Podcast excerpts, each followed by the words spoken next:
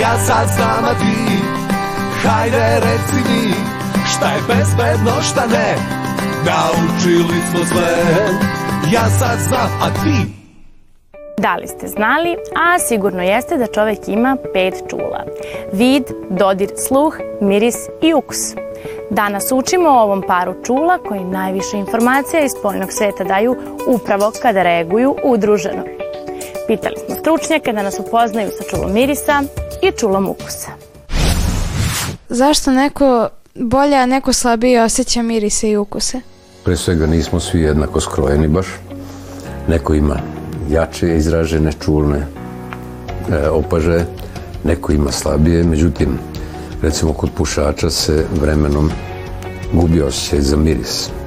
Onda e, kada čovjek radi u nekoj atmosferi koja ima određene mirise, recimo u štavionicama kože, u nekoj industrijskoj radnji, postrojenju gdje ima određenih mirisa, onda se on navikava. Međutim, čulo mirisa je izuzetno važno zato što nas neretko upozorava na opasnost, kao i čulo ukusa. Da je hrana pokvarena ili da nije ispravna, tako i miris može da nas upozori da nešto nije u redu. A zbog toga, e, koliko god moguće, treba razvijati čuvane sposobnosti i uvežbavati.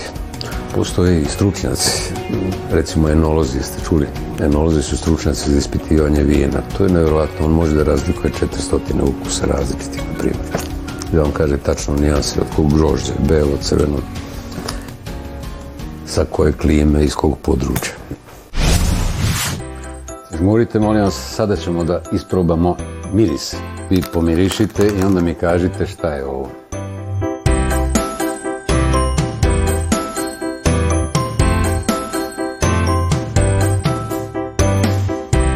Peršunov list. Jako je zdrav da se stavlja u supu svakog dana. Šta je ovo?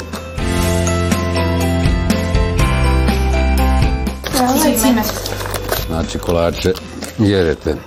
Zašto kažu da postoje samo četiri ukusa kad možemo da osjetimo mnogo više različitih? Pa vidite, čulo ukusa je strahovito važno. Jeste primetili da, recimo, ako gledate slike novorođenčeta i slike odraslog čoveka, glava novorođenčeta je otprilike četvrtina ukupne dužine tela. A glava odraslog čoveka je otprilike E, jedna šestina dužine tela. Hoću da kažem da su kod novorođenčeta izuzetno važni e, upravo neki organi, na primer čulni organi koji ga hrane, koji mu doprinose u stvari koji su mu najvažniji, znači jezik, usne i tako dalje. E, šta hoću da vam kažem? E, na jeziku postoje određene zone koje primaju te osnovne ukuse slano, slatko, e, gorko, kiselo. Međutim, postoji čitava nijansa ukusa, recimo gorko. To je jedan odbujan ukus. I sad razmislite ovako, kako nas hrane i kako mi počinjemo da jedemo, odrastajući od bebe u dete, pa u mladiće, devojku, e, mi po nekom svom ukusu počinjemo da biramo hrane, kombinujemo te ukuse i prepoznajemo ih i volimo. Čulo ukusa je u vezi sa čulom miris. I tako stvaramo navike i vrlo često loše navike.